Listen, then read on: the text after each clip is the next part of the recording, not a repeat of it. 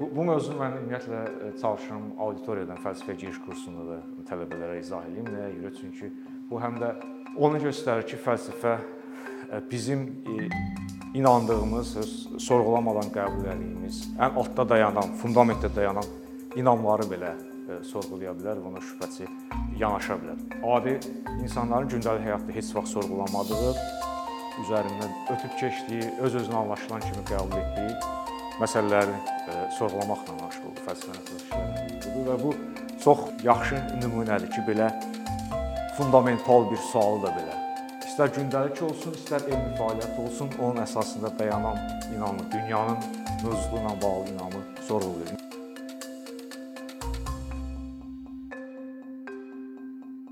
Gəl baxaq görək bu bunun üçün nə e, əsas var? Yəni dünyanın mövzularına şübhə etmək üçün hansı əsas var və filosoflar nəyə görə e, belə skandal bir sualla e, çıxış eləyir. Məsələn, mahiyyətinə keçməmişdən qabaq bəzi terminlərin mən izahını verim qısa. Dünya de, dünya dedikdə mən e, bizdən kənarda mövzu, bizdən kənarda mövzuda olan, şuurumuzdan asılı olmadan mövzuda olan nəslələri nəzərdə tuturam. Nəslərin məcmusunu nəzərdə tuturam daha doğrusu. Parta, stol, stol, ağac, kainat, qalaktikalar, və s. Yəni şey isə ayrı-ayrı nəslələri gördüyünüz obyektləri təzahür duyğu və ya hiss verilən dedikdə isə ətrafımızda olan şeylərin bizim hiss orqanlarımız vasitəsilə bizə verilməsi, təqdim edilməsi. Məsələn, eyni nəsl E, bunu sadə bu, bu cür izah eləmək olar ki, eyni nəsnə şeylə təzahür arasındakı fərq. Bizə e, müxtəlif perspektivlərdən müxtəlif cür e, verilir. Məsələn, stola siz əgər bu burada durub baxırsınızsa, qarşınızda olan stula, onda e, onun verilməsi məhz bu cürdür. Yəni bunu təsvir edə bilməyəcəm. Bu birinci şəxs nöqteyi nəzərdən olan bir şeydir. Hamı sadəcə görə bilər. Amma biraz yaxına gəlsəm bu böyümüş olacaqdır. Biraz bu tərəfə keçsəm form formasını dəyişmiş olacaq. Və yaxud başqa bir dənə sadə misal, siz e, hansısa kvadrat nəsnəyə baxsanız, onun düzbucaqlı nəsnəyə götürək, stolun özünü götürək. Düzbucaqlı nəsnəyə baxsanız, onun O sizə heç vaxt düzbucaqlı kimi verilmir. Yəni əslində perspektivdən baxırsınız həmişə müəyyən. Məsələn mən bura stola baxıram, müəyyən e, trapesiya formasında, trapesiyaya da oxşamır, yəni verilir və yenə də perspektivi dəyişsəm, yenə də fərqli cür verilir. Yəni eyni şey bizə müxtəlif perspektivlərdən müxtəlif cür təzahür olunur, verilir və təzahürlərdən yan qaçmaq da mümkün deyil. Yəni biz birbaşa şeyin özündən kontaktda ola bilmirik. Həmişə təzahürlər vasitəsilə kontaktdayıq. Təzahür şey şeylər ətrafımızdakı şeylər, əgər onlar həqiqətən olduğu kimidirlərsə və mövcuddurlarsa, zəruri olaraq təzahürlər vasitəsilə bizə verilir. Təzahürlər də təzahürləri təşkil edən duyğularımızdır bizim. Görmədən misal çəkiriksə əgər, məsələn, mən o qapını rəngi qəhvəyi rəngdə görürəm, amma bu məhz bu cür onun mənə verilməsi məsələn yaxına getsəm onun müxtəlif işıq işıqlar işığın müxtəlif sarışmasını hiss eləyəcəm. Orda eyni rəngdə görsəm bu əslində biz buna eyni rəng deyirik, amma diqqətlə baxanda görürsünüz ki, bu, bu müxtəlif rənglərin qarışığıdır. Və o qar, qar, qarışıq bizə e, duyğu duyğular birlikdə bizim e, şeyin təzahürünü təşkil eləyir. Yəni bax, baxın diqqətlə üstünə baxsaz görərsiniz ki, onun üzərində e, müxtəlif girinti, çıxıntı və s. var. Bu cür görsənir. Yəni təsvir eləmək yenə deyirəm, biraz çətin gəlir. Zəruri mühüm məsələ odur ki, şeylə təzahürü bir-birindən fərqləndirmək lazımdır. Yəni şeyin özü təzahüründən fərqlidir. İnam dedikdə isə e, tək dini inanclar burada nəzərdə tutulmur. Əslində e, ağac mövcuddur, ağac yaşıldır. Mən indi e, mühazirə deyirəm. və sair bu kimi çox zaman dilə gətirmədiyimiz zehni vəziyyət nəzərdə tutulur. İnam elə bir zehni vəziyyətdir ki, inam inam subyekti gerçəklikdə müəyyən vəziyyət olduğunu iddia eləyir. Məsələn, arzuda bu belə deyil. Arzuda biz iddia eləmirik, irəli sürmürük. Məsələn, mən arzulara bilərəm ki, kaş yağış yağır, kaş yağış yağsın. Bu o gerçəkliklə bağlı heç bir iddia üzərimə götürmürəm. Amma inamda isə yağış yağır desəm, müəyyən bir iddia da olmuş oluram gerçəkliklə bağlı. Diqqət eləyin ki, bu və digər nəslənin mövcudluğu ilə bağlı inam, məsələn, ağac mövcuddur, ağac yaşıldır. Dünya eləcə də bütövlükdə dünya mövcuddur. Bunların hamısını biz e,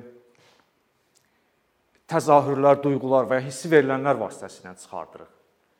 Yəni özünüzə sual verin ki, nəyin nəticəsində biz əmin oluruq ki, e, ətrafımızda nəsnələr var. Məsələn, görməklə və yaxud hiss etməklə, düzdürmü? Yəni hissi verilənlər vasitəsilə əmin oluruq. O stolu mən görməsəydim, onun burada mövcudluğuna əmin olmazdım. Yəni zehnimizi bu cür təsəvvür edə bilərik. Qısa mən şəkildə çəkim göstərim. Təsəvvür edin ki, bu bizim psixikamızdır və ya zehnimizdir. Bu hissi və rasional hissəyə bölə bilərik ki, adətən filosoflar istifadə edirlər bu bölgüdən.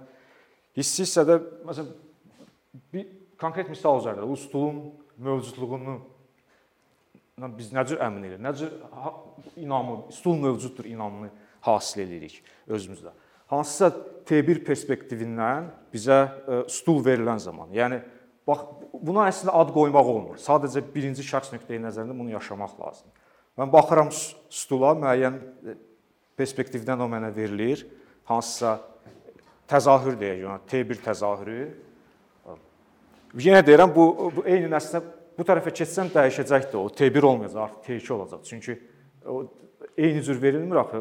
Böyüyə bilər, kiçiyə bilər və yaxud o işıqlar keçsəz fərqli rəng görsənəcək, təmiz fərqli şəkildə. Hə, hansısa bir e, T1 və yaxud e, TN perspektivlərinin məcmusu var. E, stol mənim məkanda yer, yerindən asılı olaraq və yaxud işıqlanmadan və s. asılı olaraq dəyişə bilər müxtəlif şey. Və ondan mən e, bu rasional hissəyə belə bir inam hasil edirəm ki, e, stol mövcuddur. Stol S mövcuddur. Eyni zamanda stol boz rəngdədir, stolun 4 dənə ayağı var və s.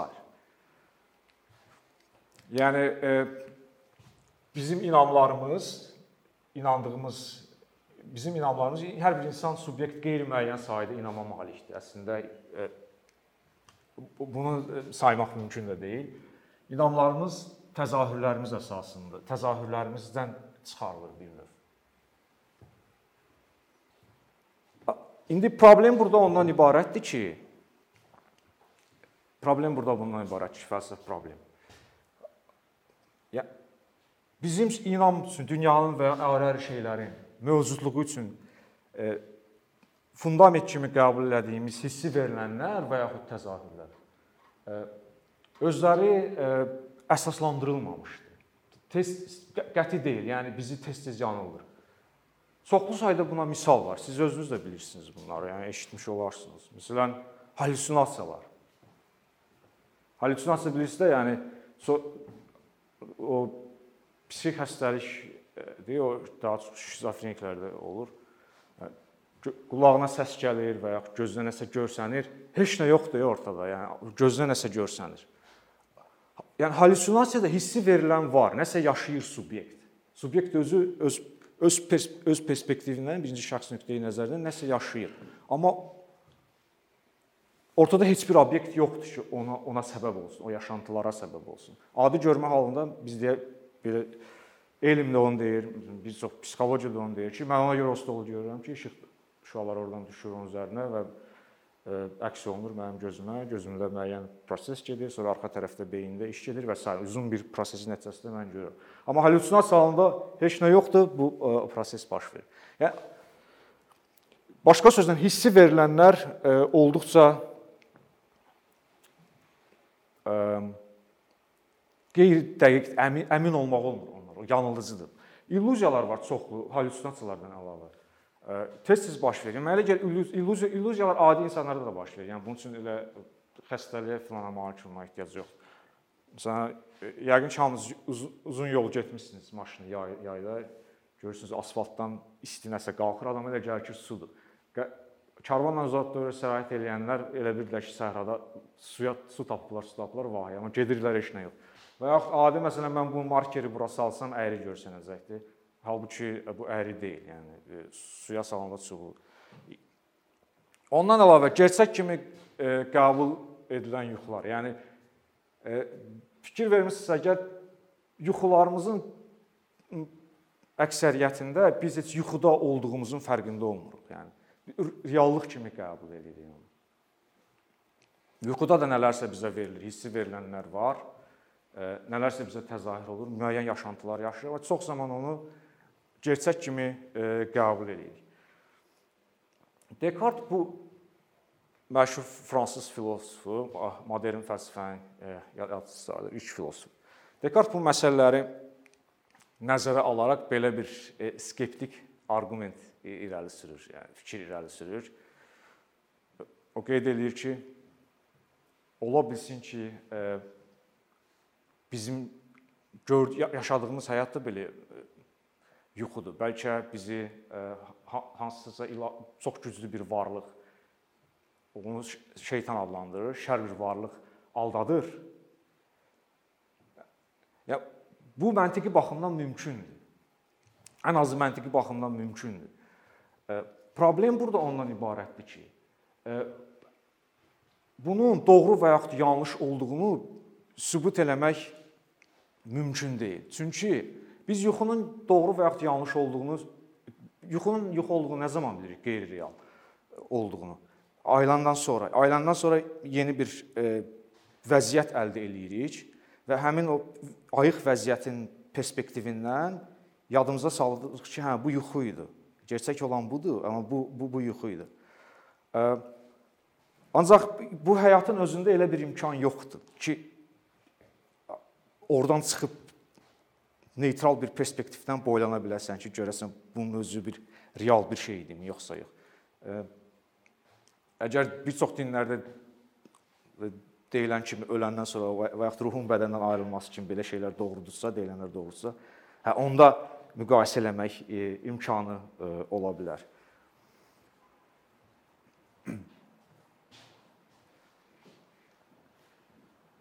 Bununla bağlı e, müasir Dekartın deməli Dekartın ə,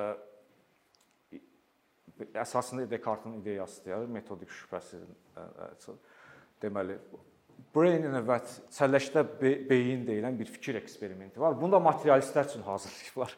Müasir dövrdə materialist filosofların sayı çoxdur. Materialistlərə Dekart şəklində məsələn qoyanda deyirlər ki, elə şey dünya maddi bir gerçəklik var, elə bir şey ola bilməz. Onda materialistlər üçün belə update eləyiblər bu bu eksperimenti. Güman belədir ki, eksperiment belədir ki, fikir eksperimentidir bu. Materiya var, yəni beyin mövcuddur, bir də kompüter var. Ola bilsin ki, onda bizim beynimiz ə, qoşulubdur kompüterə və inkişaf eləmiş bir kompüterdir və onu bizi bizim yaşantılarımızı, gördüklərimiz hamısını o stimulyasiya stimulyasiya eləyir. Əslində belə bunun işarətləri gör görünməkdədir. Siz fikir verirsiniz, yəni 3D, 4D aparatlar ə, çıxıbdı. Yəni o virtual ə, real virtual dünya yaradır da bir növ. Müəyyən yaşantılar, illüziyalar yaradır subyektin özündə. Bunun inkişaf eləmiş forması ola bilər prinsipcə fikir eksperimentidir bu. Təbii ki, yəni iddia olunur ki, belə bir şey var. İddia bundan ibarətdir ki, əgər biz çəlləşdə beyin olsaq da belə, olsaq da belə, onu e, sübut elə sübut eləyə bilməyəcəyik. Biz beləyik yoxsa yox. Çünki bizim imk imkanımız yoxdur yenə də. Baxaq, nəyəsə neytral perspektiv olsun, ondan e, boylanaq, baxaq ki, həqiqətən belədir yoxsa yox. Bunun əsasına yer gəlmişkən Matrix filmi çəkiblər. Yəqin ki, eşidib eşidibsiz. Siz bu bu film bu fəlsəfi ideyaların əsasında çəkilibdi. O Descartes-dan gələn sonra. Orda mən çoxdan baxmışdım, məzmunları yadımda qalmayıbdı, amma bilirəm ki, orada kompüterə qoşurlar. Beynəllər və orada onlar nəyisə mübarizəsini aparır və sonra əməlli başlı reallıq e, yaşayırlar. Yəni e, skeptik arqumentin dünya mövcudluğu üçün dünya mövcudluğuna skeptik yanaşmağın əsasında o dayanır ki, bizim e, dünya haqqında, dünya haqqında və yaxud ayrı-ayrı şeylər haqqında inamlarımız hissi verilənlər əsasında formalaşır. Hissi verilənlər dəyər. Və bunun özü də bizə qəti bilik vermir qəti bilik vermir. Arqument şəklində bunu yaxşı e, e, yazıbdı Lyons. Heç bir şey bizə təzahürlərdən kənar birbaşa olaraq verilmir. Yəni gördüyünüz hər bir şey Məsələn, mən indi durmuşam lövhəni müəyyən perspektivdən görürəm. Perspektivdən, təzahürlərdən qaça bilmirəm. Fərqi yoxdur. Yəni İstəyirəm lap yaxına gəlim, istəyirəm onu toxunum. Bunun özü də müəyyəndir. Hissi veriləndir. E, bir növ hissi verilənlər torundayıq. Ona, ona ondan kənara çıxmaq imkanımız yoxdur. Hər şey bizə təzahürlərdən kənar birbaşa heç bir şey bizə təzahürlərdən kənar birbaşa olaraq verilmir. Təzahürlərin gerçəkliyə uyğun olmasını düşünmək üçün e, yaxşı əsas olmadan onların bizdə formalaşdırdığı inamların da əsası yoxdur təzahürlərin gerçəkliyə uyğun olmasını düşünmək üçün yaxşı yaxşı əsas yoxdur. Nəyə görə yoxdur? Ona görə ki, onlar bizi bir neçə dəfə olub yanıldıb. Qəti bizə bilik vermir. Onların ümumiyyətlə biz doğru və yaxud yanlış olduğunu verifikasiya edə bilmirik, kənara çıxa bilmirik özümüzdən ki, neytral perspektivdən baxaq görək həqiqətən gerçəkliyə uyğundurmu yoxsa deyilmi? Nəticə də budur ki, deməli onların biz deməli onların bizə e, formalaşdığı inamlarında əsası yoxdur. Yəni inam da hansıdır? Yəni dünya mövcudluğundan bağlı, ayrı-ayrı şeylərin mövcudluğundan bağlı və yaxud e, stolun yaşıl, stolun bozancı olması, mövcud olması və s. bu tip inamlar. Yəni o inamlar bizə hissi verilənlər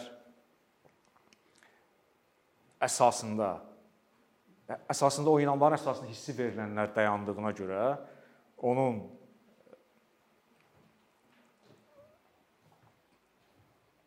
onun onun üçün o qəti deyil, yəni qəti inam deyil. Arqument burada bundan ibarətdir.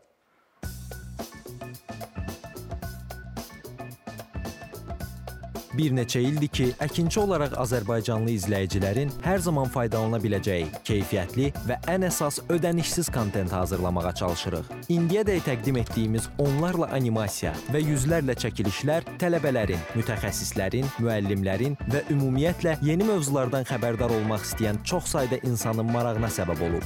Bu illər ərzində hazırladığımız videolar təhsil, texnologiya, ictimai fəallıq, iqtisadiyyat, gender bərabərliyi, ətraf mühit, ifadə ifadə azadlığı, hüquq, demokratik inkişaf, mədəniyyət və digər mövzuları əhatə edib. Məqsədimiz çoxlu baxış gətirən deyil, çoxlu fayda gətirən videolar hazırlamaqdır. Amma bu düşündüyümüz qədər asan deyilmiş. Gördüyümüz iş kifayət qədər resurs, əmək və təbii ki, davamlılıq tələb edir. Bu səbəbdən Patreon platformasından istifadəyə başladıq. Əkinçinin Patreon hesabının populyarlaşmasına çox böyük ümidlərimiz və gözləntilərimiz var.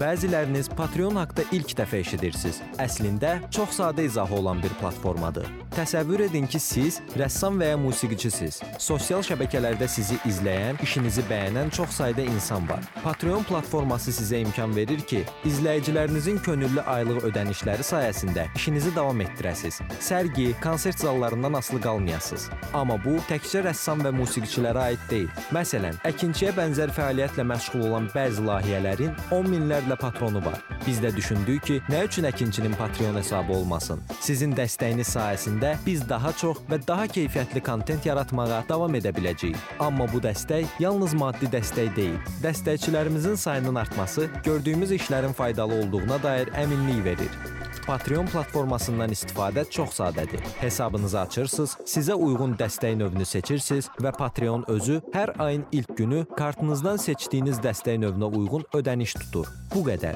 Sonda onu demək istəyirik ki, dəstəkçilərin sırasına qoşulmaq istəyən, amma məhdud imkana görə bunu edə bilməyənlər narahat olmasın. Daha öncə dediyimiz kimi, bizim əsas məqsədimiz daha çox insanın hər zaman faydalana biləcəyi keyfiyyətli və ödənişsiz kontentin yaradılmasıdır. Bunun üçün mütləq patronumuz olmalısınız deyə məcburiyyət yoxdur. Amma imkanınız patron olmağa çatırsa və bizim işimizi bəyənirsinizsə, patronlarımızın sırasına qoşulmağınız bizim üçün çox önəmlidir.